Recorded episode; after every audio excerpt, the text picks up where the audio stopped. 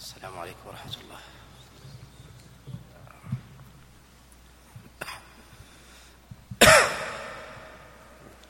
نعم. جزء جزء بسم الله الرحمن الرحيم. غفر الله لنا ولشيخنا أجمعين. قال المؤلف رحمه الله ثم إن كان متمتعا لا هدي معه قصر من شعره وتحلل وإلا حل الحمد لله رب العالمين وصلى الله وسلم وبارك على نبينا محمد وعلى آله وأصحابه ومن تبعهم بإحسان إلى يوم الدين. أما بعد قول المصنف عليه رحمة الله تعالى متمتعا تقدم الكلام على أنواع النسك أنها تمتع وإفراد وقران. والتمتع هو أفضل الأنساك من جهة الإجمال لمن لم يسق الهدي وإذا ساق المحرم الهدي فإن القران أفضل له لحال فعل النبي عليه الصلاة والسلام. والأولى له من جهة الابتداء أن يكون متمتعا. وأما من جهة أن يقصد الحرم كل شعيرة بسبر امتثالا لأمر الله سبحانه وتعالى بقوله وأتموا الحج والعمرة لله. قال غير واحد من العلماء أن المراد بذلك أن يأتي بالعمرة والحج كل واحدة منهن بسفر. وإلى هذا قد ذهب جمهور العلماء إلى أنه يقصد الحرم البيت العتيق للعمرة بسفر ثم يأتي للحج بسفر. ثم يأتي بعد ذلك التفضيل في مسألة الأفضلية للتمتع والقران وهي على هذا التفصيل من جهة الإجمال عند كثير من الفقهاء من السلف وغيرهم.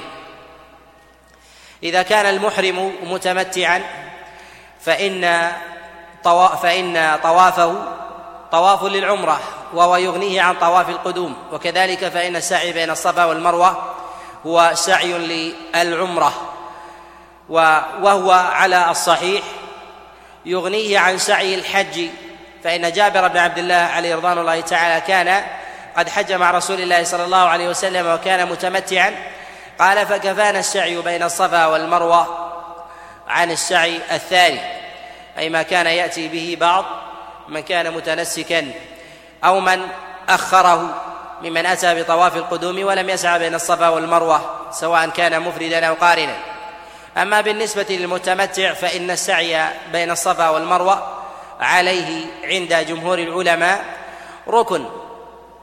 وقد ذهب بعض العلماء إلى وجوبه وذهب بعضهم إلى استحبابه على التفصيل والاستدلال الذي قد تقدم الكلام عليه. قيد المصنف عليه رحمة الله تعالى تقصير شعر الرأس للمتمتع في مثل هذه الحال وذلك أنه يعقبه حلق يوم النحر. فالأولى فيه أن يكون مقصرا وذلك لحال فعل النبي عليه الصلاة والسلام كما جاء في الصحيحين وغيرهما من حديث سالم بن عبد الله بن عمر عن عبد الله بن عمر أن رسول الله صلى الله عليه وسلم أمرهم بالتقصير حينما كانوا متمتعين. وذلك لكي يبقى شيء من شعره عند إحلاله يوم النحر. وأما إذا كان مفردا وقارنا فإنه لا يمس شيئا من شعره لأنه لا زال على إحرامه. فلا يحل حتى ينحر هديه. ولهذا قال الله سبحانه وتعالى ولا تحلقوا رؤوسكم حتى يبلغ الهدي محله هذا بالنسبة للمفرد للمفرد والقارن. والنبي صلى الله عليه وسلم كان قارنا على الصحيح من أقوال أهل العلم وظاهر وهو ظاهر عمله. وقد ذهب بعض العلماء إلى أنه كان مفردا وذهب بعضهم إلى أن النبي عليه الصلاة والسلام كان متمتعا وهذا القول وهذا القول أضعف أضعف الأقوال. والصحيح أنه عليه الصلاة والسلام كان قارنا ولهذا قالت حفصة عليه رضوان الله تعالى كما جاء في الصحيح ما لي أرى الناس قد حلوا ولم تحل يا رسول الله. قال عليه الصلاة والسلام إني قد قلدت هدي ولبت رأسي فلا أحل حتى أنحر هدي. يعني المراد بذلك يوم النحر. وهذا حال كل مفرد وقارن فلا يحل إلا إلا يوم النحر. فإذا نحر هديه يحلق رأسه قبل ذلك يرمي جمرة العقبة فإن هذا هو الاقتداء بسنة رسول الله صلى الله عليه وسلم ويكون حينئذ قد حل برمي جمرة العقبة ويأتي التفصيل في هذه المسألة بإذن الله تعالى. وأما من جهة الإجمال فالحلق أفضل وهذا الذي قدمه الله سبحانه وتعالى في كتابه العظيم في قوله جل وعلا محلقين رؤوسكم ومقصرين فقدم الحلق على التقصير. وأما إذا كان متمتعا وكان انتهاؤه من السعي بين الصفا والمروة قريبا من تلبيته أو من يوم التروية فإنه يقصر ولا يحلق لأن الحلق لا يبقي من شعره شيء حال حال حلقه يوم النحر. لهذا قيد المصنف عليه رحمة الله تعالى هنا التقصير ولم يشر ولم يشر إلى الحلق. وهذا من جهة الإجمال كما تقدم الكلام عليه لمن كان له شعر. أما من لم يكن له شعر كالأصلع أو كان قد حلق شعر رأسه قبل ذلك فإنه قد جاء عن غير واحد من السلف كعبد الله بن عمر عليه رضوان الله تعالى بإسناد صحيح رواه ابن خزيمة وغيره أنه كان يمر الموسى على رأسه. وقد ذهب إلى هذا غير واحد من العلماء بل قد حكي الإجماع فيه. وهذه المسألة لا دليل عليها عن النبي عليه الصلاة والسلام وإمرار الموسي على رأس الأصلع أو الحريق لا حاجة إليه لأن إمرار الموس ليس مقصودا بذاته. والمقصود بذاته هو إزالة التفث كما قال الله سبحانه وتعالى ثم ليقضوا تفثهم وليوفوا نذورهم. وقضاء التفث هو إزالة شعث الشعر وقص الأظفار ونحوها مما يحتاجه الإنسان ويزيل عنه الشعث وأما إمرار الموسى بذاته فإنه لا حاجة إليه من جهة التعليل بظاهر الآية في كلام الله سبحانه وتعالى كذلك في ظاهر العمل عن رسول الله صلى الله عليه وسلم وأصحابه. نعم. وإلا حل إذا حج. نعم. والمتمتع إذا شرع. أعد. ثم إن كان متمتعا لا هدي معه قصر من شعره وتحلل. قال لا هدي معه لأنه إذا كان معه الهدي فالأولى له أن يكون قارنا. بل قال بعض العلماء بوجوب ذلك أن من ساق الهدي معه وجب عليه ألا يكون متمتعا وأن يكون قارنا. وأنه لو حل وقد ساق الهدي أنه آثم. لهذا النبي عليه الصلاة والسلام قال لو استقبلت من أمري ما استدبرت ما سقت الهدي. و هذا يدل على التأكيد في مثل هذه الحالة أن من كان معه الهدي أنه لا يحلق ويبقى متمتعا. وذهب بعض العلماء أنه يكره وبعضهم قال أنه يستحب أن يقلب إحرامه إلى التمتع وإن كان قد ساق الهدي. وهذا فيه نظر. نعم. ثم إن كان متمتعا لا هدي معه قصر من شعره وتحلل وإلا حل إذا قال وتحلل أي أنه يتحلل بحلق الشعر. وحلق الشعر هل هو تحلل بذاته فيكون حينئذ من النسك؟ وبه يتحلل أم أنه علامة على التحلل وإظهار منة الله سبحانه وتعالى على عبده بعد أن كان ممسكا ثم يحلق. وهذه الشعيرة جعلت إظهارا للتحلل وأن يكون ذلك علامة عليه. أم أنها بذاتها من المناسك أي ذات الحلق. وهذا القول ينبني عليه فروع. فمن هذه الفروع أن من نسي الحلق ثم تلبس بشيء من أنواع التحلل كان يكون لبس المخيط أو مس الطيب أو جامع بعد انتهائه من السعي بين الصفا والمروة. هل عليه شيء أم لا؟ باعتبار أنه بقي عليه شيء من أعمال النسك وهو وهو الحلق. هذه محل خلاف عند العلماء. ذهب جمهورهم إلى أن ذلك من المناسك وذهب بعض العلماء إلى أنه ليس من المناسك وأنه علامة على التحلل. وإن أطلق عليه في بعض في بعض النصوص أنه من المناسك من جهة الإجمال لأن فيه إظهارا لمنة الله سبحانه وتعالى وهذا هو الأظهر وعليه يقال أن من نسي حلق الشعر ثم وقع في شيء من محظورات الإحرام كلبس المخيط أو مس الطيب أو جامع النساء أنه ليس عليه شيء. ولو نسي حلق شعر رأسه ثم ذهب إلى بلده وغادر يقال أنه يتأكد في حقه أن يحلق شعر رأسه وإن كان في غير في غير الحرم لأن هذا من سنة النبي عليه الصلاة والسلام التي ينبغي للإنسان أن لا يدعها. نعم. وإلا حل إذا حج. وإلا؟ يقصد وإن لم يسق الهدي. أعيد العبارة. ثم إن كان متمتعا لا هدي معه قصر من شعره وتحلل وإلا حل إذا حج. يقول وإلا حل إذا وإلا حل إذا حج. حج. يقول وإذا وإلا حل إذا هج يعني إذا كان مفردا وقارنا. فإنه لا يحل إلا بعد رمي جمرة العقبة على الصحيح من أقوال العلماء أي يوم النحر. وهذا يأتي مزيد كلام وتفصيل عليه والاستدلال على ذلك من الكتاب والسنة وأقوال السلف. نعم. والمتمتع إذا شرع في الطواف قطع التلبية.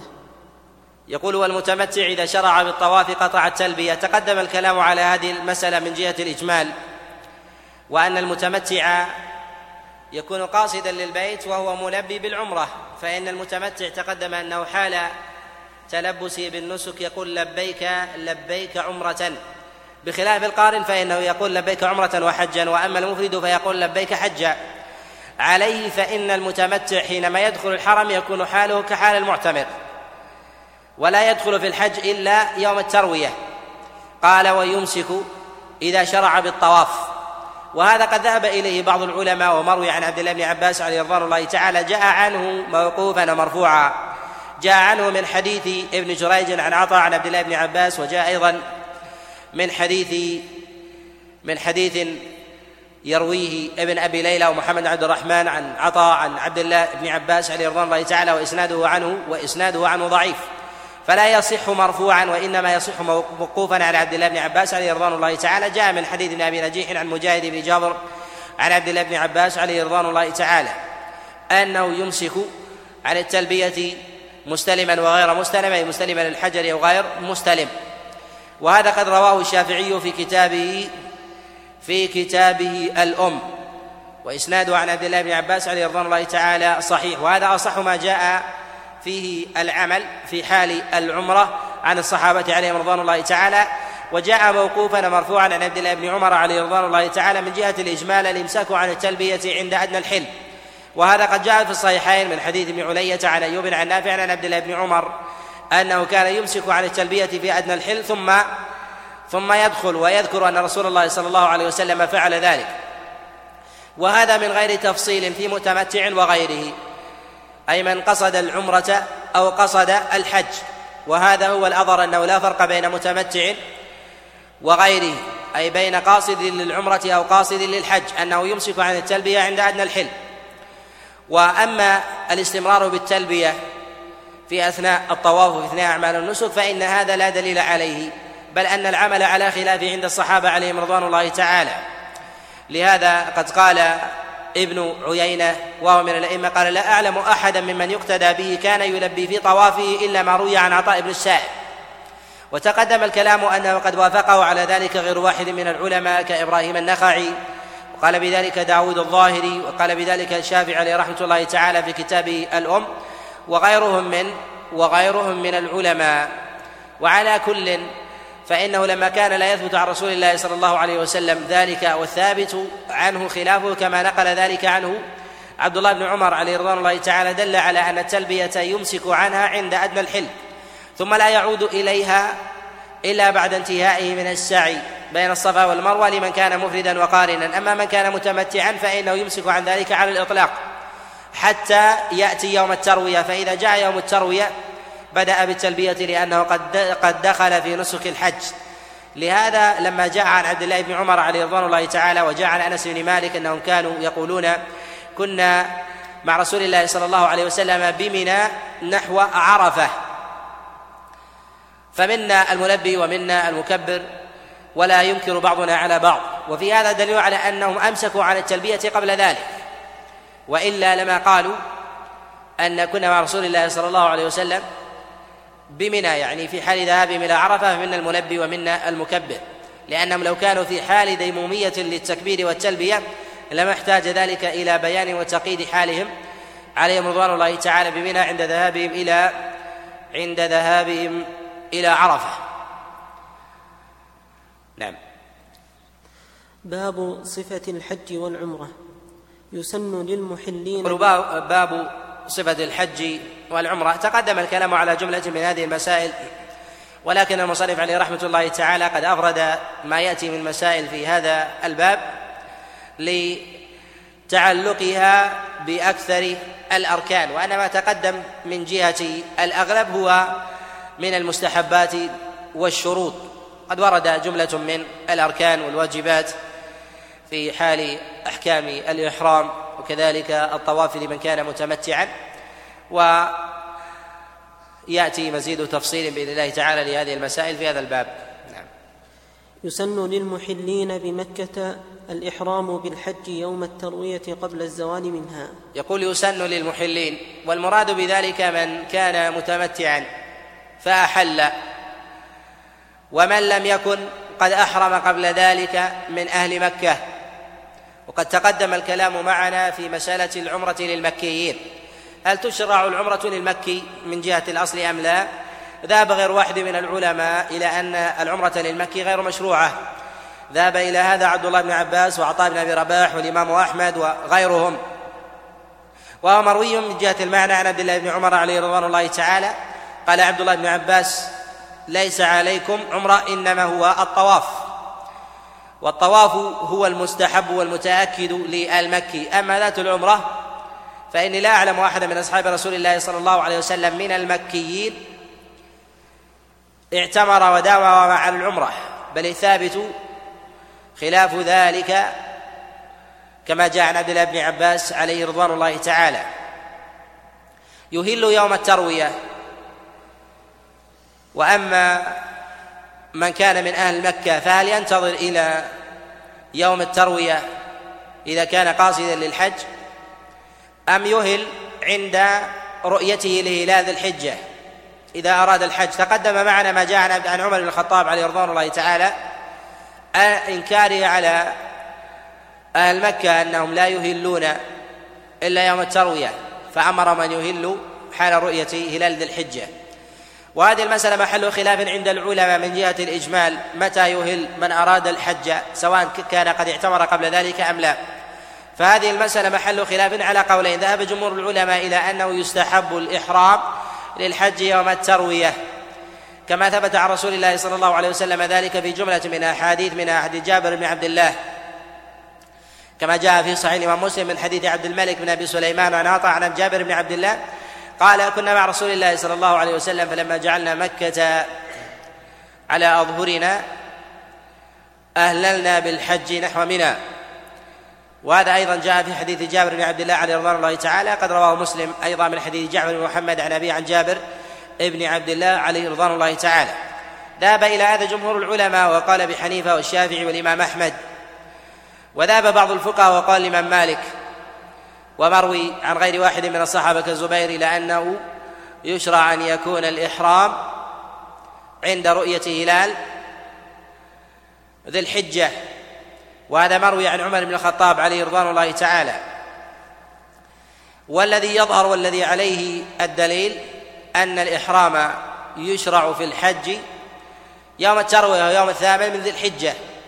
وإنما سمي يوم التروية لأن الناس يرتوون ويتزودون بالماء لذهابهم إلى عرفة فيملؤون القرب ونحوها والمزادات لأنهم يبقون بعرفة ثم يأتون ويبيتون بمزدلفة فيحتاجون إلى الماء في وضوء وغسل وطبخ ونحو ذلك فاحتاجوا فاحتاجوا إلى التزود بالماء. بخلاف حال بقائهم في منى فإنهم كانوا قريبين قريبين من الحرم فالتزود أقل من ذهابهم إلى عرفة. نعم. ويجزئ من بقية الحرم. يقول ويجزئ من بقية الحرم. النبي صلى الله عليه وسلم قد أحرم يوم التروية من مكانه بمكة قبل ذهابه إلى منى. وذهب بعض الفقهاء إلى أنه يشرع أن يكون إحرامه بمنى يوم التروية وهذا لا دليل عليه بل أن المشروع أن يحرم من مكانه أهل مكة من مكة وأهل منى من منى ومن كان بغيرها من المشاعر فإنه يحرم من مكانه خاصة مع احترام أطراف مكة فإنه يحرم من مكانه ثم يذهب إلى منى. كما كان يفعل ذلك النبي صلى الله عليه وسلم فقد أحرم بمكة ثم ذهب إلى منى كما جاء في حديث جابر بن عبد الله المتقدم فأخذ عليه الصلاة والسلام يلبي قبل وصوله إلى منى. فبقي النبي عليه الصلاة والسلام بمنى وكان إحرامه بعد صلاة الفجر بعد طلوع الشمس وارتفاعها. فلبى عليه الصلاة والسلام فذهب إلى منى فصلى فيها الظهر والعصر والمغرب والعشاء والفجر. فلما طلعت الشمس من يوم عرفة نفر عليه الصلاة والسلام إلى إلى عرفة. فنزل عليه الصلاة والسلام بنمرة كما جاء في الصحيحين وغيرهما من حديث جابر بن عبد الله وغيره. نعم. ويبيت بمنى. يقول ويبيت بمنى يعني ليلة عرفة فيوم التروية. تسمى ليلة عرفة لأن اليوم يتبع لأن الليلة لأن اليوم يتبع الليلة السابقة. فبغروب الشمس يبتدئ اليوم الجديد. وهذا في اصطلاح الشرع والذي عليه اصطلاح العرب أيضا. والنبي صلى الله عليه وسلم بات ليلة عرفة بمنى فصلى عليه الصلاة والسلام بها الظهر والعصر والمغرب والعشاء والفجر. والمبيت بمنى هذه الليلة ليلة عرفة سنة عند جمهور العلماء وذهب بعضهم إلى وجوبها. وهو قول داود بن حزم وذهب إليه جماعة من الفقهاء من المالكية. قالوا فإن النبي عليه الصلاة والسلام بابأت بمنى ليلة عرفة ويوم التروية وبيتوتته عليه الصلاة والسلام في هذه الليلة لا تختلف عن بقية الليالي من المبيت من أيام التشريق فهي واجبة كحالها. وذلك أن النبي عليه الصلاة والسلام حج وقال خذوا عني مناسككم. والذي يظهر والله أعلم أن المبيت بمنى في مثل في هذه الليلة ليس من الواجبات بل هو من السنة وهو الذي عليه جمهور العلماء. وذلك أن رسول الله صلى الله عليه وسلم بات ولم يثبت عنه أمر ولا حث للمبيت بمنى ولا عن أحد من أصحابه عليهم رضوان الله تعالى بخلاف المبيت بمنى في أيام التشريق. والأصل في قوله عليه الصلاة والسلام خذوا عني مناسككم الأصل فيه الاستحباب والتأكيد. وفي قوله خذوا عني دليل على الخصوصية. وذلك لما بدل أهل الجاهلية من أعمال الحج مما كان عليه أهل الحنيفية. أتباع إبراهيم الخليل فإنهم قد بدلوا وحرفوا كثيرا منها. ولهذا النبي عليه الصلاة والسلام قد اهتم بهذا الأمر وبعث أبا بكر ومن معه من أصحابه عليهم رضوان الله تعالى لكي يحجوا في السنة التاسعة. وأن ينادوا في الناس أن لا يطوف في البيت عريان وأن لا يحج بعد هذا العام مشرك. فدل على أن النبي عليه الصلاة والسلام لما أخر الحج ولم يؤده وبعث أصحابه على أن اختلاط مناسك الجاهليين بمناسك الإسلام محل اهتمام عنده. فلما ذهب عليه الصلاة والسلام إلى الحج في السنة العاشرة قال خذوا عني مناسككم أي لا تأخذوها مما بقي من عمل الجاهلية وهذا يدل من جهة الإجمال على التأكيد أن الاقتداء بالنبي عليه الصلاة والسلام هو الأصل. وهي على الاستحباب. ولو قلنا بوجوب كل عمل فعله رسول الله صلى الله عليه وسلم في الحج لاضطرد ذلك بأحوال كان يفعلها النبي عليه الصلاة والسلام وهي على الاستحباب بالاتفاق. وقد حكى الإجماع على ذلك غير واحد من العلماء مما فعله النبي عليه الصلاة والسلام. وفعله أصحابه وداوموا عليه ولم يكن على الوجوب كتقبيل الحجر والرمل والاطباع واستلام الركن اليماني. كذلك ذكر الآيتين عندما قال بذكرهما عند مقام إبراهيم وعند الصفا الصفا والمروة وعلى قول جمهور العلماء في صلاة الركعتين خلف المقام. وكذلك الملتزم والذكر الذي جاء عن رسول الله صلى الله عليه وسلم بين الركنين ربنا آتنا في الدنيا حسنة وفي الآخرة حسنة وما جاء عن رسول الله صلى الله عليه وسلم من جملة إخبار في الطواف وكذلك الشرب ماء زمزم ورفع اليدين والتهليل عند الصفا واستقبال البيت ورفع اليدين والسعي والشد بين العلمين وكذلك مشي رسول الله صلى الله عليه وسلم وطوافه ماشيا. وغير ذلك من الأحكام التي كان النبي عليه الصلاة والسلام يفعلها ولم يقل سائر العلماء بل إجماعهم في أكثر ما تقدم أنه ليس على الوجوب بل هو على الاستحباب. مع قوله عليه الصلاة والسلام خذوا عني مناسككم. فدل على أن هذه العبارة لا تدل على وجوب من جهة الأصل بل أنها تدل على الاستحباب والتأكيد والخصية له عليه الصلاة والسلام لمناسبة الحال وخشية الاختلاط بعمل الجاهلية. نعم. فإذا طلعت الشمس سار إلى عرفة. يقول فإذا ارتفعت الشمس سار إلى عرفة وهذا هو السنة. أن يذهب إلى عرفة بعد بعد ارتفاع الشمس وأن لا يؤخر ذلك. والسنة أن يصلي هذه الصلوات الخمس بمنى. وإن صلاها خارج منى فإنه لا حرج عليه. ويصليها جماعة خلف الإمام.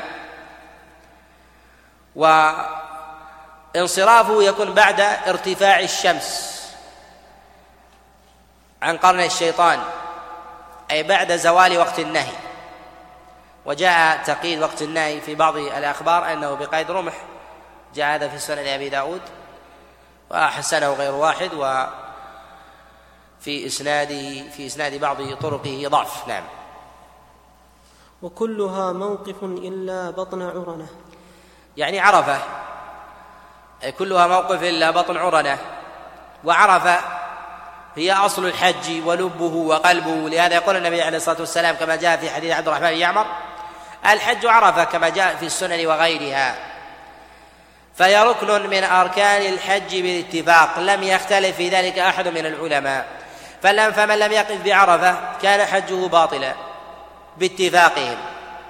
ولا يشترط للوقوف بعرفة يقظة فالنائم تصح منه ولو نام كلها لكنه محروم الأجر والدعاء وشهود دعوة المسلمين والتأمين عليها فعرف كلها موقف.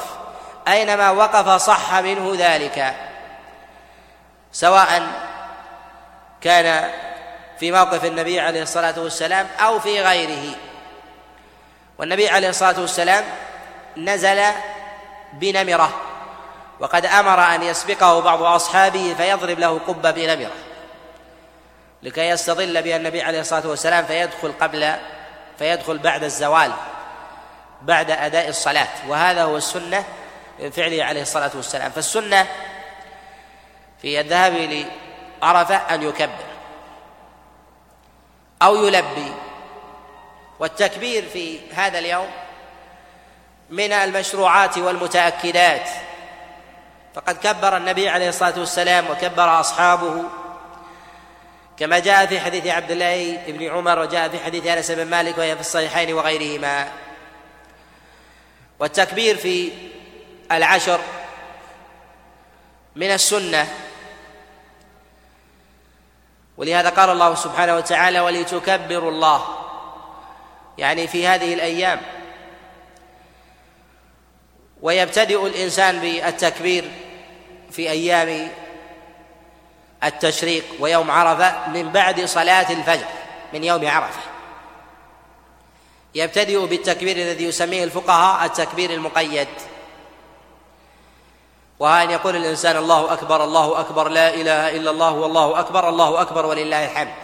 سواء كان التكبير في الابتداء بالتثنية أو بالتثليث. لا حرج في ذلك. فإنه قد جاء ذلك عن عبد الله بن مسعود عليه رضوان الله تعالى وغيره. والتكبير يعضده ظاهر كلام الله سبحانه وتعالى. وكذلك عمل الصحابة وهو محل إجماعهم. حكى الإجماع على ذلك الإمام أحمد عليه رحمة الله وابن رجب وغيرهم. وثبت هذا عن أصحاب رسول الله صلى الله عليه وسلم. ثبت عن عبد الله بن عباس فيما رواه عنه عكرمة في المصنف والسنن البيهقي وغيرها. وثبت ذلك أيضا عن سلمان الفارسي فيما رواه عنه أبي عثمان أبو عثمان النهدي عن سلمان الفارسي وثبت أيضا أيضا عن عبد الله بن مسعود عليه رضوان الله تعالى فيما رواه عنه. جماعة من أصحابه كإبراهيم النخعي والأسود وعلقمة وغيرهم وثبت هذا أيضا عن أبي هريرة وعبد الله بن عمر أنهم كانوا ينزل أنهم أنهم كانوا ينزلون إلى السوق. فيكبرون ويكبر الناس بتكبيرهما. جاء هذا عند أبي بكر عبد العزيز غلام الخلال وأبي بكر المروزي في كتاب العيدين. من حديث حميد عن المجاهد قال كان عبد الله بن عمر وأبو هريرة ينزلان إلى السوق فيكبران ويكبر الناس بتكبيرهما. ويشرع في هذا الجار بالتكبير أدبار الصلوات وفي أيام العشر على وجه العموم وفي أيام التشريق على وجه الخصوص. يبتدئ التكبير من طلوع الفجر إلى صلاة العصر من آخر أيام التشريق. فإذا أداها كبر بعد ذلك ثم ينتهي. والتكبير المقيد والمطلق بينهما تداخل وأن اختصاص التكبير في أدبار الصلوات لا يعني الانقطاع بعدها. وهذا كحال الأذكار في أدبار الصلوات. فالنبي عليه الصلاة والسلام يقول إنه ليغان على قلبي فأستغفر الله في اليوم والليلة أكثر من سبعين مرة وجاء في رواية أكثر من مئة مرة. وكان يستغفر في أدبار الصلوات كما في حديث ثوبان ثلاثا فيقول أستغفر الله أستغفر الله أستغفر الله. فهذه الخصية في أدبار الصلوات بالتكبير في أيام التشريق ويوم عرفة دليل على التخصيص في هذا الموضع. وما بعد ذلك يكون من التكبير المجمل الذي أمر الله سبحانه وتعالى بأدائه ومن قال أن التكبير المطلق يكون في أيام العشر وأن التكبير المقيد يكون في يوم عرفة وأيام التشريق فقط ولا يكون ثمن التكبير المطلق فهذا غلط. ومخالف لظاهر عمل السلف ولظاهر القرآن أيضا. فإن الصحابة عليهم رضوان الله تعالى كانوا يذهبون ويكبرون في ذهابهم إلى عرفة. ومعلوم أن ذهابهم إلى عرفة كان بعد ارتفاع الشمس وليس في أدبار الصلوات. وهذا من أيام التكبير المقيد فالذي ينبغي على الحاج وغيره أن يكثر من التكبير في مثل هذه الأيام لأنها أيام عظيمة والتكبير فيها من أفضل الأعمال. لهذا يقول النبي عليه الصلاة والسلام فيما يروى عنه أفضل الحج العج والثج والمراد بالعج أن يعج الناس بالتلبية والتكبير والثج هو ذبح الهدي يوم النحر نعم ويسن أن يجمع بين الظهر والعصر. يقول ويسن أن يجمع بين الظهر والعصر. والظهر والعصر غالب الناس الآن يؤدونها بعرفة والسنة أن تؤدى قبلها أن يؤديها الإنسان قبل ذلك بعرنة كما فعل النبي عليه الصلاة والسلام. فالنبي عليه الصلاة والسلام نزل بنمرة وخطب الناس عليه الصلاة والسلام وصلى عليه الصلاة والسلام قبل دخوله عرفة الظهر والعصر في وقت الظهر جمعا وقصرا. وكان ذلك اليوم يوم جمعة. وفيه أنه يشرع في حال السفر ألا يؤدي المسافر الجمعة وإن كانوا جماعة بل يؤدونها قصرا ظهرا. وأن أداء الجمعة للمسافر خلاف السنة وخلاف هدي النبي عليه الصلاة والسلام. ومن أدى الظهر والعصر بعرفة قد خالف السنة ولا حرج عليه ولا إثم ولكن خالف فعل النبي عليه الصلاة والسلام فالسنة أن يؤديها قبل دخوله لعرفة ثم بعد ذلك يدخل وعليه يعلم أن دخول عرفة والوقوف فيها يبتدئ بعد الزوال وينتهي بغروب الشمس. إذا فالوقوف بعرفة قبل الزوال هل هو من السنة أم لا؟ أولا ينبغي أن يقال أن فعل النبي عليه الصلاة والسلام هو السنة وهو الوقوف بعد الزوال. وهذا باتفاق العلماء على خلاف عندهم في الإجزاء. هل يجزئ الوقوف قبل الزوال أم لا؟ بمعنى أنه لو وقف قبل الزوال ثم انصرف هل يصح حجه أم لا؟ هذا محل خلاف عند عند العلماء. ذهب جمهور العلماء إلى أن الوقوف بعرفة لا يكون إلا بعد الزوال. وأن من وقف قبل الزوال لا يعتد بوقوفه. وذهب الإمام أحمد عليه رحمة الله إلى صحة الوقوف. وأن الوقوف عند الإمام أحمد يبتدئ من طلوع الفجر. يوم عرفة إلى طلوع الفجر من يوم النحر. وأن من وقف ليلا أو نهارا في هذا الوقت صح حجه. استدلالا بحديث عروة بن المضرس في قول النبي عليه الصلاة والسلام وكان قد وقف قبل ذلك بجمع أية ساعة من ليل أو نهار فقد تم حجه. وقوله أية ساعة من ليل أو نهار دليل على الإجزاء. وقوله أو نهار مطلق ويشمل أي جزء من أجزاء النهار سواء قبل الزوال أو بعده. وهذا هو الصحيح والذي يعضده الدليل. إلا أنه ينبغي الإنسان باب الاحتياط أن يقتدي بفعل النبي عليه الصلاة والسلام ولا يقف إلا إلا بعد الزوال كما فعل النبي عليه الصلاة والسلام. ويظهر أيضا من هديه عليه الصلاة والسلام أنه خطب الناس في هذا اليوم ويوم عرفة وذكرهم بالله ووعظهم وظاهره أن النبي عليه الصلاة والسلام لم يطل الخطبة وإنما قلل وقصر ولهذا قد جاء في الصحيح من حديث سالم بن عبد الله بن عمر أن أنه قال للحجاج إن أردت السنة فاقصر الخطبة وعجل بالوقوف أي الوقوف بعرفة. وهذا هو هدي النبي عليه الصلاة والسلام وبه يعلم أن هذا اليوم يوم للدعاء وذكر الله عز وجل والابتهال والتضرع فإنه أعظم يوم. والدعاء فيه أعظم الأدعية على الإطلاق. في أي وقت لأنه يوم يباهي الله عز وجل به ملائكته. فلا يشرع فيه الانشغال بغيره. لهذا النبي عليه الصلاة والسلام وقف يدعو مستقبل القبلة حتى غربت الشمس حتى سقط رداءه عليه الصلاة والسلام منه وهو يدعو.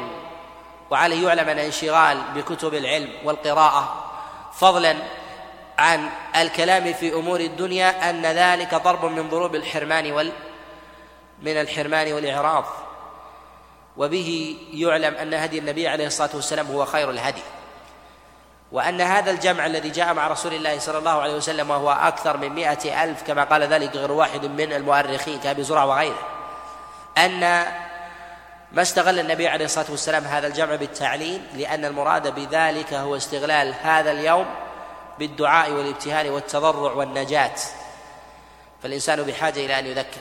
فخطب النبي عليه الصلاة والسلام في حجه ثلاث على الصحيح. كما ذكر ذلك الإمام أحمد عليه رحمة الله تعالى في مسائل ابن صالح. هي ثلاث خطب.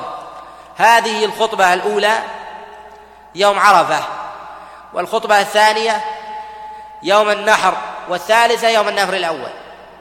وقد ذكر النووي عليه رحمة الله في كتاب الإيضاح أنها أربع. الخطبة الأولى في اليوم السابع وهو قبل يوم التروية. و قبل إهلال النبي عليه الصلاة والسلام بالحج والثانية يوم عرفة والثالثة يوم النحر والرابعة يوم النفر الأول. وعلى كل فإن النبي عليه الصلاة والسلام لم يزد على ذلك.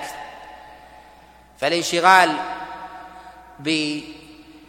بالتعليم والانشغال بقراءة الكتب والانشغال بتقييد مسائل العلم والحلق ونحو ذلك أدبار الصلوات هذا ليس من السنة بل السنة الانشغال بالذكر والدعاء والابتهال يخرج من هذا إنكار المنكر. إذا رأى الإنسان منكرا فلا بأس أن ينشغل بل أنه يستحب أن ينشغل به ويزيله ويتأكد في حقه أيضا. وكذلك أيضا إذا رأى من يعرض من أعرض ويتكلم الفحش أو لها أن يذكره بالله سبحانه وتعالى ويذكره باستغلال هذا اليوم. أما أن يطوف على الناس أو أن يتحدث في المخيمات دبر كل صلاة مذكرا لساعات معلما فإن هذا خلاف هدي النبي عليه الصلاة والسلام. فالهدي هو أن يخطب هذه الخطب وأن يذكرهم فيها وما عدا ذلك يبقى كحال النبي عليه الصلاة والسلام مفتيا لمن جهل. وقد يقول قائل أن الناس يأتون من كل مكان ومن كل فج عميق يأتون رجالا وركبانا من شتى بلدان العالم يأتون منهم من لم يأتي إلا هذه المرة فيقال أنك لست بأحرص من النبي عليه الصلاة والسلام. فالنبي قد حج معه هذا الجمع الغفير ومنهم من لم يره أبدا إلا في هذا الحج. والنبي عليه الصلاة والسلام يقول لعلي لا أراكم بعد عامي هذا. وهو على غلبة الظن عنده أنه لن يعيش. مع ذلك من شغل عليه الصلاة والسلام عن هذه الأيام العظيمة بتتبع الناس والانشغال بتعليمهم. وإنما اكتفى بما وصل إليه من علم وحثهم على على استغلال هذا اليوم بالدعاء والتذكير. والدعاء في هذا اليوم ويوم عرفة لم يثبت عن رسول الله صلى الله عليه وسلم فيه تخصيص شيء بعينه وإنما يدعو بما شاء. وأما ما جاء من قوله عليه الصلاة والسلام خير ما قلت أنا والنبيون من قبلي لا إله إلا الله وحده لا شريك له له الملك وله الحمد وهو على كل شيء قدير. فإن هذا لا يصح موصولا والصواب فيه الإرسال. جاء موصولا عند الترمذي عليه رحمة الله تعالى في سننه من حديث حماد بن أبي حميد عن عمرو بن شعيب عن أبيه عن جده عن رسول الله صلى الله عليه وسلم وحماد بن أبي حميد لا يحتج به. وجاء مرسلا عند الإمام مالك في الموطأ وغيره من حديث زياد عن طلحة بن عبيد الله مرسل عن رسول الله صلى الله عليه وسلم وهذا هو الأصوب وقد رجحه الترمذي وغيره من من الأئمة. فالصواب فيه الإرسال والوصل والوصل لا يصح وعليه يدعو بما شاء. فلا إله إلا الله هي أفضل الذكر كما جاء عن رسول الله صلى الله عليه وسلم. يكثر منها ومن التسبيح والتهليل وتعظيم الله عز وجل ويبتهل الله عز وجل ويتضرع ويبكي ويتباكى ويمجد الله عز وجل ويعظمه بما جاء عن رسول الله صلى الله عليه وسلم ويسأل الله عز وجل من خيره الدنيا والآخرة فإنه أعظم أعظم الدعاء. قد جاء رسول الله صلى الله عليه وسلم في الخبر وقد صعه غير واحد من العلماء كابن حبان بن خزيمة قال أفضل الدعاء دعاء يوم عرفة. وهذا أفضل الأدعية لا إطلاق أفضل من الدعاء في السجود وأفضل من الدعاء عند الملتزم وأفضل من الدعاء في جوف الليل والثلث الأخير وغيرها من من المواضع. ويقف راكبا عند الصخرات وجبل الرحمة. يقول ويقف راكبا عند الصخرات. وهذا الموقف وقفه النبي عليه الصلاة والسلام. وكل ما حوله موقف عليه الصلاة والسلام. لا فرق بين هذا وهذا. وهل لمقام النبي عليه الصلاة والسلام خصية وتفضيل لا. ليس له خصية ولا تفضيل. فالنبي عليه الصلاة والسلام لا بد أن يقف ولا بد أن يكون في موضع. لهذا الصحابة عليهم رضوان الله تعالى يعلمون أنه صلى في موضع عند البيت وخلف المقام ويعلمون مدى قربه من المقام. مع ذلك ما نقل ضبط موقفه. وصلاته للفريضة وادائه للسنة ومدى قربه وإنما اقتدوا بذات العمل. ولهذا النبي عليه الصلاة والسلام قال دفعا لهذا الظن الذي قد يظنه الناس أن وقوفه في هذا الموضع هو الأفضل. قال وقفت ها هنا وعرف كلها موقف. أي كلها على السواء. لأن الإنسان ليس على الاستطاعة أن يقف في الجميع وإنما لا بد أن يقف في موضع منها. نعم ويكثر من الدعاء ومما ورد فيه. ويكثر من الدعاء والابتيال والتضرع. وأما ما ورد فإن ما جاء عن رسول الله صلى الله عليه وسلم ما تقدم بقول لا إله إلا الله هذا هو أمثل شيء في الباب. وقد جاء عن النبي عليه الصلاة والسلام في سنن البيهقي وغيره من حديث علي بن أبي طالب. أن النبي عليه الصلاة والسلام يقول اللهم اجعل في قلبي نورا وسمعي نورا الخبر ولا يصح إسناده فإنه ضعيف للانقطاع فيه نعم. ومن وقف ولو لحظة من فجر يوم ومن وقف؟ ومن وقف ولو لحظة من فجر يوم عرفة إلى فجر يوم النحر وهو أهل له صح حجه. من وقف في عرفة في أي لحظة من الليل أو النهار على الصحيح من أقوال العلماء صح حجه ويشرع للوقوف أن يكون على طهارة لأن ذلك قد جاء عن غير واحد من السلف من الصحابة وغيرهم. ثبت ذلك عن عبد الله بن عمر وجاء أيضا عن عبد الله بن مسعود وعلي بن أبي طالب وغيرهم. بل أنه قد جاء عن بعض الصحابة أنه كان لا يعمل شيئا من أعمال المناسك إلا على طهارة. ثبت ذلك عند ابن أبي شيبة من حديث نافع عن عبد الله بن عمر أنه كان لا يقضي شيئا من نسكه إلا وهو على وضوء. وهذا على الإطلاق سواء كان رمي جمار أو كان الوقوف بعرفة أو مزدلفة أو كان النحر أو الحلق هذه كلها من النسك ومن أعمال الحج التي ينبغي الإنسان أن يفعلها وهو على طهارة. لهذا قد جاء عن غير واحد من السلف أنهم كانوا يستحبون ذلك. أما ذات الاغتسال فأنه يفتقر فإنه يفتقر إلى دليل. ولو جاء عن رسول الله صلى الله عليه وسلم لا نقل وإنما فعله الصحابة عليهم رضوان الله تعالى فلو فعله الإنسان كان على هدى فالله عز وجل قد أمر بالاقتداء بأهل الهدى.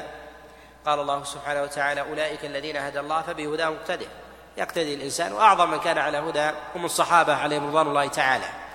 إلا أنهم ليسوا بمشرعين فلا يقول الإنسان سنة ولكن يفعل ويتبع التماسا لسنة النبي عليه الصلاة والسلام وهديه لأن المشرع والمسنن هو النبي عليه الصلاة والسلام. ومن بعدهم من السلف من التابعين ومن جاء بعدهم إن قلد الإنسان التماسا للاتباع والاقتداء والصواب فإنه على هدى وعلى نور.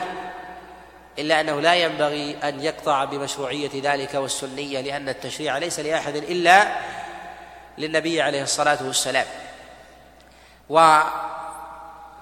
ويقف بعرفة والوقوف كما جاء في كلام المصنف وظاهر مذهب الإمام أحمد بل هو نص عنه أنه يكون من طلوع الفجر إلى طلوع الفجر الثاني وهو يوم النحر. فمن وقف أية ساعة من الليل والنهار صح حجه وهذا خلافا لقول الجمهور الذين يقولون أن الوقوف يبتدئ من بعد الزوال إلى طلوع الفجر. والوقوف إلى طلوع الفجر محل إجماع ولكن الخلاف في البداية. إذن النهاية محل اتفاق. حكى الإجماع على ذلك غير واحد من العلماء كابن عبد البر وابن قدامة وغيرهم. وإن وقف من الليل ولم يقف من النهار شيئا. هل يصح حجه أم لا؟ ذهب غير واحد من العلماء إلى أن أنه يجب عليه الدم. والذي يظهر والله أعلم أنه لا يجب عليه شيء. وهذا الذي عليه الأئمة الأربعة. وظاهر قول بعض الخلفاء الراشدين كعمر بن الخطاب عليه رضوان الله تعالى وروي عن بعضهم أي بعض الأئمة الأربعة روايات أنهم قالوا بوجوب الدم وفي ذلك نظر فإن النبي عليه الصلاة والسلام قال وقف قبل ذلك أية ساعة من ليل أو نهار فلو وقف ولو قبل الفجر بلحظة من يوم النحر صح وقوفه وحجه. قد جاء عند سعيد بن منصور في سننه من حديث إبراهيم النخعي عن الأسود عن عمر بن الخطاب عليه رضوان الله تعالى أنه كان واقفا قبل الفجر بجمع يعني بمزدلفة. فجاءه رجل فقال وقفت بعرفة؟ قال لا. قال اذهب وقف بعرفة هنيهه ثم اتي فذهب فوقف ثم جاء فقال وقفت. قال فصلى عمر بن الخطاب عليه رضوان الله تعالى الفجر فوقف على دابته ويقول أجاء الرجل أم لا؟ فلما قيل له جاء دفع عمر بن الخطاب عليه رضوان الله تعالى وهذا يدل على أن الوقوف قبل الفجر ولو لحظة يصح منه. وفي هذا دليل أيضا على أن من وقف قبل الفجر ولو لحظة فاته المبيت بمزدلفة. لأنه طلع عليه الفجر وهو لم يأتي مزدلفة كما في ظاهر قول عمر. لهذا المبيت مزدلفة محل خلاف عند العلماء. هل هو واجب أم سنة؟ أم ركن على ثلاثة أقوال. منهم من قال بالوجوب ومنهم من قال بالركنية. وهذا مروي عن جماعة من السلف أي القول بالركنية. مروي عن الحسن وغيره. وقال به داود بن خزيمة وابن حبان وغيرهم وذهب الجمهور إلى أنها واجبة. وهذا قول جمهور السلف والأئمة الأربعة. وذهب بعض الفقهاء من السلف إلى أنها سنة. وهذا ظاهر بعض الروايات عن عطاء بن أبي رباح وقد يستدل بقول عمر بن الخطاب عليه رضوان الله تعالى لهذا الرجل أنه لم يأمره بشيء ولم يأمره بدم ولم يزجره وإنما أمره بالإتيان بالركن وهو الوقوف ب الوقوف بعرفة. فوقف قبل الفجر ثم جاء وقد صلى الناس صلاة الفجر ثم وانصرفوا بعد طلوع الشمس. نعم إلى فجر يوم النحر وهو أهل له صح حجه وإلا نعم. فلا أعد. ومن وقف ولو لحظة من فجر يوم عرفة إلى فجر يوم النحر وهو أهل له صح حجه وإلا فلا وهو أهل له قوله وهو أهل له أي أهل لهذا الوقوف فلا يكون مثلا ممن لا يجب عليه الحج ويحتج بذلك ويريد أن أن يحرم بعد ذلك. والوقوف بعرفة كما تقدم أنه لا يشترط له نية ولا يشترط له يقظة. فلو جن الإنسان وهو واقف ثم أفاق أو أغمي عليه ثم أفاق أو كان الإنسان مريضا مغمى عليه ثم أتي به إلى عرفة أو كان متعبا ونام قبل الدخول وأخرج من عرفة صح حجه وهذا باتفاق الأئمة الأربعة. وذلك أن الوقوف بعرفة المراد به الاتيان إلى هذا المكان. وتقدم أن الحج من جهة الأصل أن الحج من جهة الأصل يصح من الصغير ويصح على الصحيح من المجنون كما تقدم الكلام عليه. ويؤجر على ذلك إذا حمله وليه قياسا على الصغير لأن الصغير ولو كان في مهده فاقدا للعقل فلا فرق بينه وبين المجنون. بل قد يكون المجنون يخدم نفسه يأكل ويطعم ويلبس وهو فاقد للعقل بخلاف الصغير فلما صح من الصغير كان المجنون باب أولى.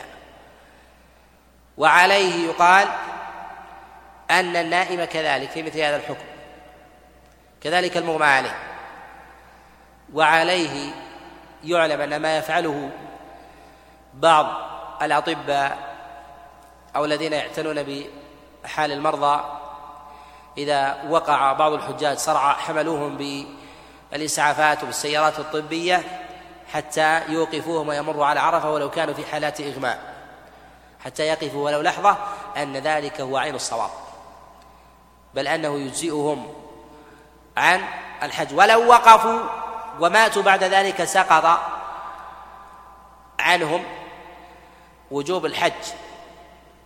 إذا كانت تلك حجة الإسلام لأنه قد وقف بعرفة والحج عرفة.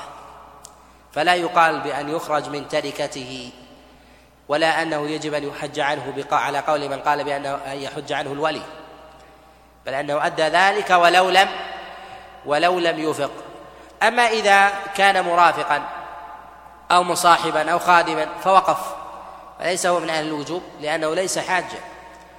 ثم لما انصرف نوى أن يكون وقوفه ذلك للحج كالشرط أو الذين يعتنون بالنظافة.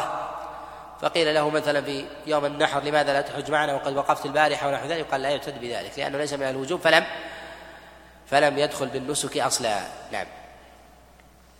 ومن وقف نهارا ودفع قبل الغروب ولم يعد قبله فعليه دم. يقول ومن وقف نهارا ودفع قبل الغروب يعني صح منه وعليه دم. وهذا من جهة صحة الحج لظاهر الدليل عن النبي عليه الصلاة والسلام. أما وجوب الدم فبعض العلماء يجعله على الاحتياط. وبعض العلماء يوجبه لأنه قد ترك واجبا. فالنبي عليه الصلاة والسلام قال خذوا عني مناسككم ولم ينفر النبي عليه الصلاة والسلام إلا بعد غروب الشمس. فلما نفر عليه الصلاة والسلام بعد غروب الشمس دل على الوجوب. وفي هذا نظر فإن النبي عليه الصلاة والسلام حينما قال وقد وقف أية ساعة من ليل أو نهار فقد تم حجه. التمام هو الكمال. وما قال عليه الصلاة والسلام صح حجه لأن الصحة لا تقتضي الكمال قد تكون أدنى الكمال.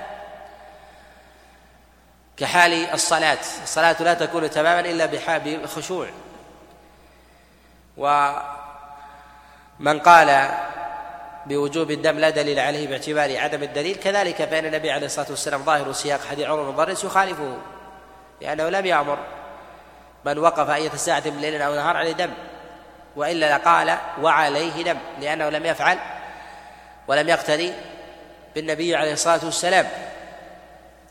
وهذا ظاهر بين. نعم. ومن وقف ليلا فقط فلا. قل ومن وقف ليلا فقط أي لم يجمع بين الليل والنهار. ظاهر المذهب وجوب الجمع بين الليل والنهار.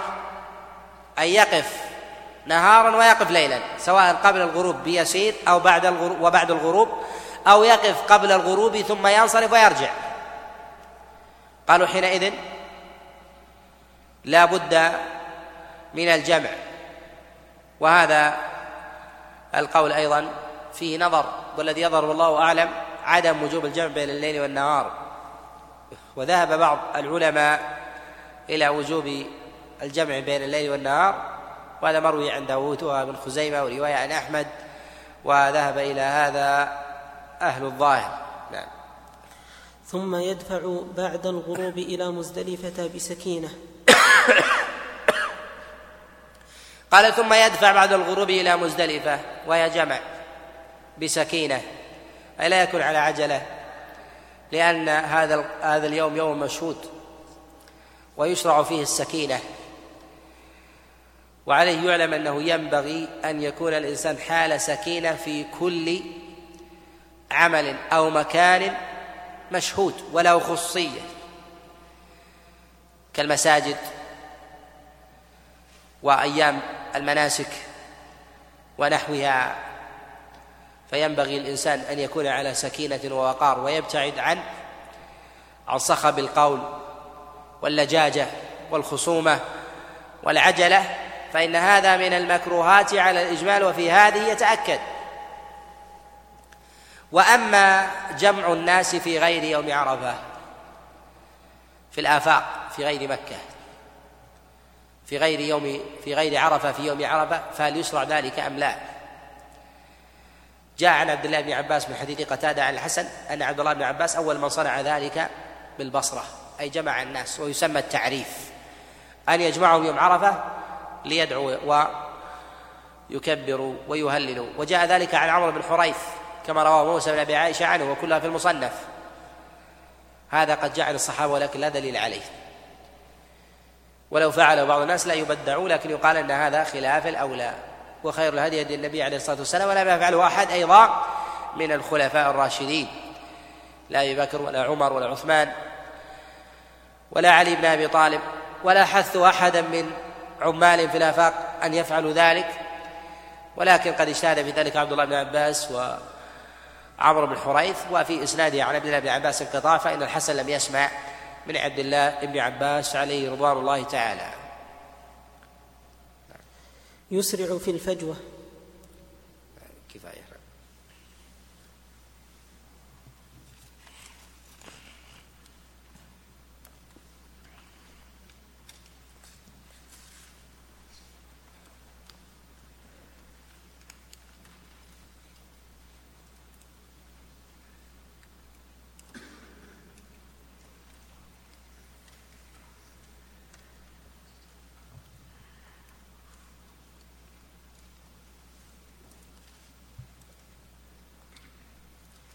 يقول هل الأفضل أن يحرم الحاج بالحج بعد التروية؟ بالحج يوم التروية. أم وقت دخول صلاة الظهر هو بعد ارتفاع يهل بالحج بعد ارتفاع الشمس. يوم الثامن. قل متى ينتهي وقت الإحرام للحج؟ ينتهي بانتهاء يوم عرفة. إذا انتهى انتهى الإحرام. فلا حرج على الإنسان أن يحرم يوم التاسع في يوم عرفة. ثم يدخل. يصح منه ذلك.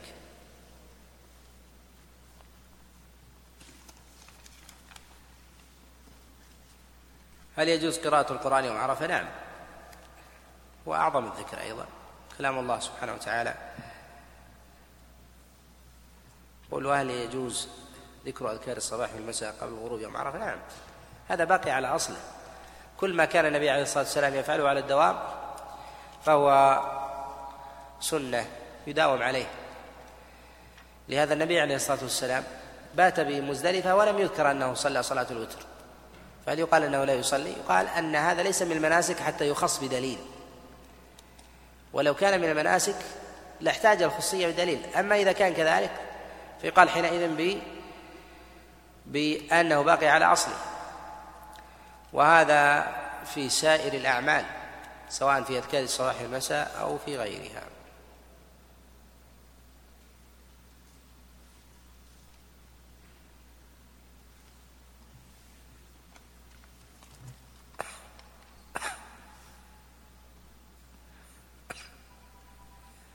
ومن تعمد التلبس بأحد محظورات المحظورات قبل مثل الحلق. على القول بأنه ليس نسكا بذاته. فما علاقة فما علامة على النسك أو ماذا عليه ونحو ذلك. أولا أنه يحرم على الإنسان أن أن يحلق وهو محرم. فإذا فعل ذلك ارتكب محظورا. وهذا يختلف الإمساك عن الفعل.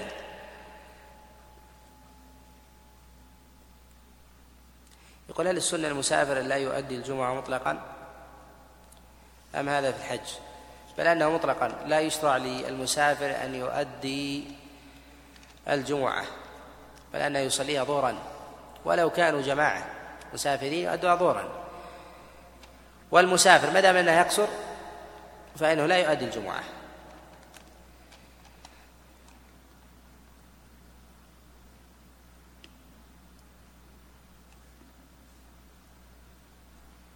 قل لا يشرع تعليم الناس وتذكيرهم في يوم عرفة أو في كل الحج. الكلام على تعليم الناس وتذكيرهم بأنه لا يشرع على الإطلاق هذا فيه نظر.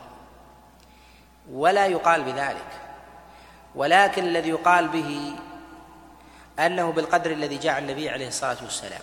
فالقدر الذي جاء النبي عليه الصلاة والسلام أنه في نسكه كله خطب الناس ثلاثة وأربع مرات. وبعد ذلك يعلم. إذا سئل أجاب. والمنكر يبقى على أصله ينكر. لكن الذي يلاحظ على كثير من أهل الصلاح والديانة أو عامة الناس يأتون بمذكر معهم في الحج. وتصبح أيام الحج كلها ندوات. وأجهزة الميكروفونات تنتقل من هذا إلى هذا. وفي اليوم الواحد خمس إلى ست محاضرات. يعني ما جاء عن رسول الله صلى الله عليه وسلم في الحج كله يقضونه في يوم. هذا ليس من هدي النبي عليه الصلاة والسلام. وباب خير لكن ليس هذا يومه هذا يوم الذكر والدعاء والابتهال والتضرع. ينبغي أن يشغل الناس بذلك. لا حرج أن ينبه الناس بين فينة وأخرى يمسك الميكروفون. نذكر الإخوة بالصلاة بالذكر. والابتهال والتضرع لله عز وجل. إذا رأى منهم انشغالا لا تنشغلوا عن الذكر والدعاء. أما أن تكون ندوات وأذكر في أحد السنوات في أحد حملات الحج بعد الصلوات الخمس كلها. يمكن خمسة أو ست مرات غير الضحى. وبعد صلاة العصر مرتين. لا يكاد الإنسان يجد فسحة يرفع يديه من المحاضرات والتذكير ونحو ذلك. هذا أمر مفضول في هذا اليوم والفاضل الدعاء والتضرع والابتهال. وبه يعلم أن تضرع كثير من الصالحين والمصلحين للدعوه آه، في الحملات الحج. أن هذا ليس على هدي النبي عليه الصلاة والسلام. السنة في ذلك أن يأتي مفتيا معلما. أن يأتي مفتي. إذا سأل أجاب. ويعلمهم بما بالقدر الذي جاء النبي عليه الصلاة والسلام. لا أن يتفرغ آه، بالتذكير الدائم ونحو ذلك لأن هذا في إشغال عن الدعاء. لأن هذا الدعاء ربما يصل لأن هذا العمل ربما يصرف الإنسان عن ذلك الدعاء الذي ربما لو رفع يديه إلى السماء أجيبت له فصلح دينه فصلح دينه ودنياه. وأن تصدوا عن ذلك العمل. لهذا النبي عليه الصلاة والسلام وهذا الجمع الغفير أكثر من مئة ألف. ما قال هؤلاء جاءوا من البوادي؟ منهم من جاء من اليمن ومنهم من جاء لقي النبي بطريقه بمكة لما علم أنه أراد أن يحج. ومنهم من الأعراب. جاء النبي عليه الصلاة والسلام يأتون من البوادي. وقد نزل النبي عليه الصلاة والسلام قطعا من التشريعات مما لم يبلغهم. مع ذلك النبي عليه الصلاة والسلام حثهم على الدعاء وأن يكثروا من ذلك ومن شغل بتتبعه. ومع أن الجهد الذي سيقضى منه عليه الصلاة والسلام أعظم من الجهد الذي سيقضى في وقتنا فإبلاغ الصوت يندر والناس مترامي الأطراف ونحو ذلك فلا يسمع النبي عليه الصلاة والسلام إلا من حوله. نعم. ينبهون. ينبه لأن هذا مما يلتبس ربما البعض يقول فلان يقول لا, لا, لا تذكروا الناس لا تلقوا محاضرات لا تعلموا الناس. هذا فهم سقيم يعني جاهل. نحن لا نقول لا تعلم نحن نقول لا تعلم وادعو. بعضهم يأتي للشطر الأول يقول فلان لا من البدعة المحاضرات ومن البدعة تذكير الناس ومن البدعة الذهاب مع مع الحملات الحج لتذكيرهم. ولا يأتي إلى إلى كلام أنه ينبغي الانشغال بالدعاء والتفرغ لذلك فيأخذ شطر ويستغرب هذا الأمر. النبي عليه الصلاة والسلام هدي خير الهدي هدي الصحابة عليهم رضوان الله تعالى كذلك. إذا انشغل الناس في ذلك ينبهون أن هذا ليس من هدي النبي عليه الصلاة والسلام. النبي ما خطب إلا ثلاثة أو أربع أقصى حد في الناس.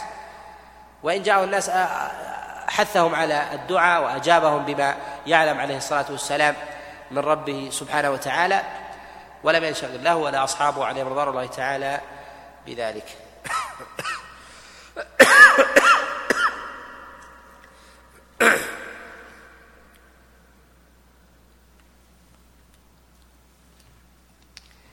يقول ذكرت النبي عليه الصلاة والسلام أحرم في اليوم الثامن. النبي صلى الله عليه وسلم بقي على إحرامه. النبي عليه الصلاة والسلام كان قارنا فبقي على إحرامه ومن كان متمتعا فإنه يلبي. النبي عليه الصلاة والسلام لبى بعدما انتهى من سعي على الصفا والمروة. وجار الصحابة عليهم رضوان الله تعالى بالتلبية جميعا يوم التروية.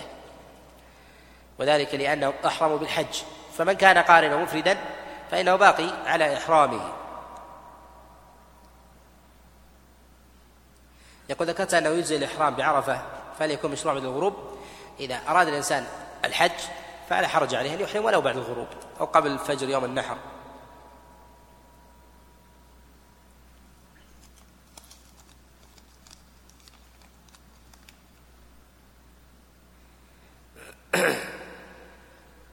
يقول رجل سعى بين الصفا والمروة نائم بحيث أنه كان على عربية ويدفع أحد الإخوة. سعيه صحيح.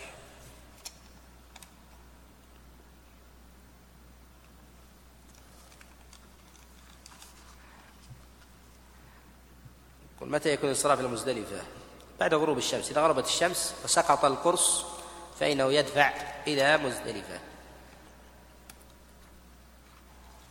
يأتي الكلام على مبيت بميناء يقول هل يشرع لغير الحاج الدعاء منفردا؟ نعم يشرع، لهذا جاء عن الصحابة عليهم رضي الله تعالى أنهم كانوا يلبون وهم ليسوا في المشاعر.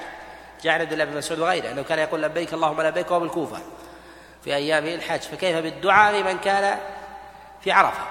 فلا حرج عليه يدعو لشهادة للخير ودعوة المسلمين.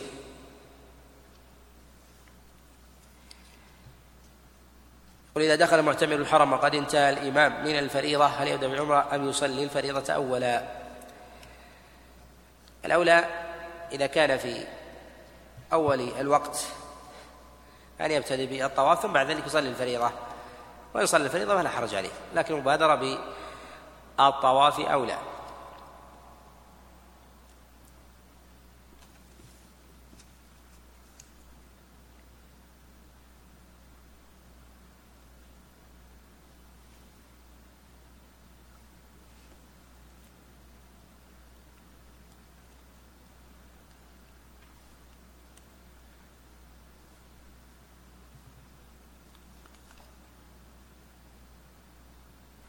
يقول هل يجوز أن ينفر من عرفة قبل غروب الشمس؟ خلاف السنة ولو نفر صح حجه.